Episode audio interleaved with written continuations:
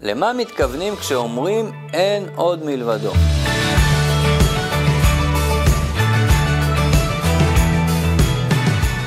האם זה קל להאמין שיש בורא לעולם?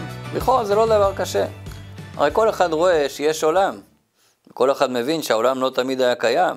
אז מישהו או משהו היה צריך להתחיל אותו. לכן גם רוב האנשים בעולם, קרוב ל-90% מעידים על עצמם שמאמינים בבורא עולם. אז אם זה כזה קל, למה משה רבנו אומר לבני ישראל במדבר אחרי 40 שנה שהם מסתובבים שם יחד, וידעת היום, והשבות אל לבביך, כי השם הוא האלוקים בשמיים ממעל ועל הארץ מתחת אין עוד. כולם יודעים את זה. למה צריך כל כך להזהיר את בני ישראל שעליהם לדעת ולהתאמץ, להחדיר את הידיעה שיש רק בורא אחד לעולם ואין כוחות נוספים שמתערבים בבריאה? לכאורה זה דבר פשוט. אם יש כוח שקדם לעולם וברא אותו, אז מי עוד יכול להתערב באמצע? אלא שכנראה משה רבנו התכוון למשהו עמוק יותר. משה רבנו בא לומר לעם ישראל, שלא רק שאין כוחות ששולטים על העולם מלבד הקדוש ברוך הוא, אלא שאין עוד מציאות מלבד הקדוש ברוך הוא.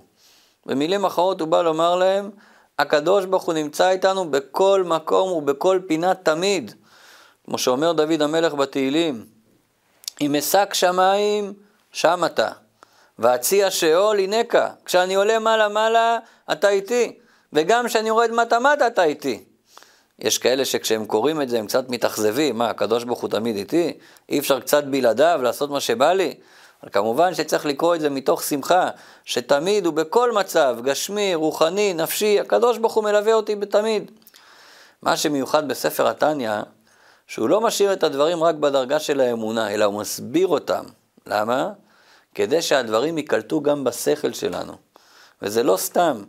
לא סתם הוא מתאמץ להסביר לנו שנבין גם בשכל, יש כאן עניין מהותי. כי כשאדם מבין משהו בשכל שלו, זה הופך להיות חלק מהחיים שלו. זה לא רק אמונה כללית, שפעם יש אותה, פעם אין אותה, זה משהו הרבה יותר חזק ויציב. אז איך מבינים בשכל, בהיגיון שלנו, היום, בדור הוואטסאפ והפייסבוק, איך מבינים את האמונה שבורא עולם נמצא איתנו בכל מקום כל הזמן? אז התשובה לזה כמובן נמצאת בתורה. בסיפור הבריאה שבתורה כתוב שהבורא ברא את העולם על ידי דיבור. כמו שכתוב, בעשרה מאמרות נברא העולם. הוא אמר יהי אור, נהיה אור. הוא אמר יהי רקיע, נברא רקיע. יותר מזה, התורה אומרת לנו שהדיבור האלוקי שברא את העולם לא היה משהו חד פעמי בששת ימי הבריאה, אלא הוא דבר מתמשך בכל רגע. גם עכשיו הקדוש ברוך הוא בורא את העולם מחדש. זה מה שאומר דוד המלך בתהילים, לעולם השם דברך ניצב בשמיים. זאת אומרת שאותן מילים ואותיות שאמר הקדוש ברוך הוא בבריאת העולם, יהי רקיע לדוגמה, הן מהוות את הרקיע גם עכשיו, הן מלובשות בתוכו והן החיות הפנימית שלו. ככה הוא בנוגע לכל הבריאה, כולל גם הדומם, אפילו שהדומם נראה לנו חסר חיות, שבכל דבר יש חיות אלוקית, וללא החיות האלוקית הזו, הבריאה הייתה חוזרת להיות עין ואפס כמו שהייתה לפני שנבריאה. זאת אומרת, אם היינו רוצים לתת לקדוש ברוך הוא עצות איך להחריב את העולם, מה הייתה הדרך הכי טובה? מה היינו אומרים לו? לשרוף את העולם? להטביע אותו? לא! פשוט להפסיק לברוא אותו. כמו סרטון שרואים בטלפון, אף אחד לא חושב שיש בן אדם בתוך הטלפון. אלא שיש שם קודים של אותיות ומספרים שיוצרים אצלנו במסך את התמונות. התמונות פשוט עוברות כל כך מהר אחת אחרי השנייה, זה נראה לנו כמו סרט. אז כל אחד מבין שאם הקודים באתר יימחקו, גם התמונה תימחק. אותו דבר זה היחס בין הבורא לעולם. הוא מהווה ומחיה כל נברא, כל מולקולה, כל תא, כל חלקיק, הוא מדבר אותו. ואם יפסיק לדבר אותו, אותו דבר יפסיק להתקיים.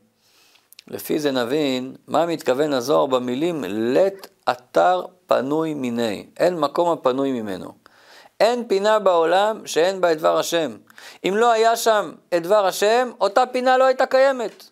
זאת הכוונה אין עוד מלבדו. הוא המציאות האמיתית של כל נברא, של כולנו, ואת זה באמת קשה להבין.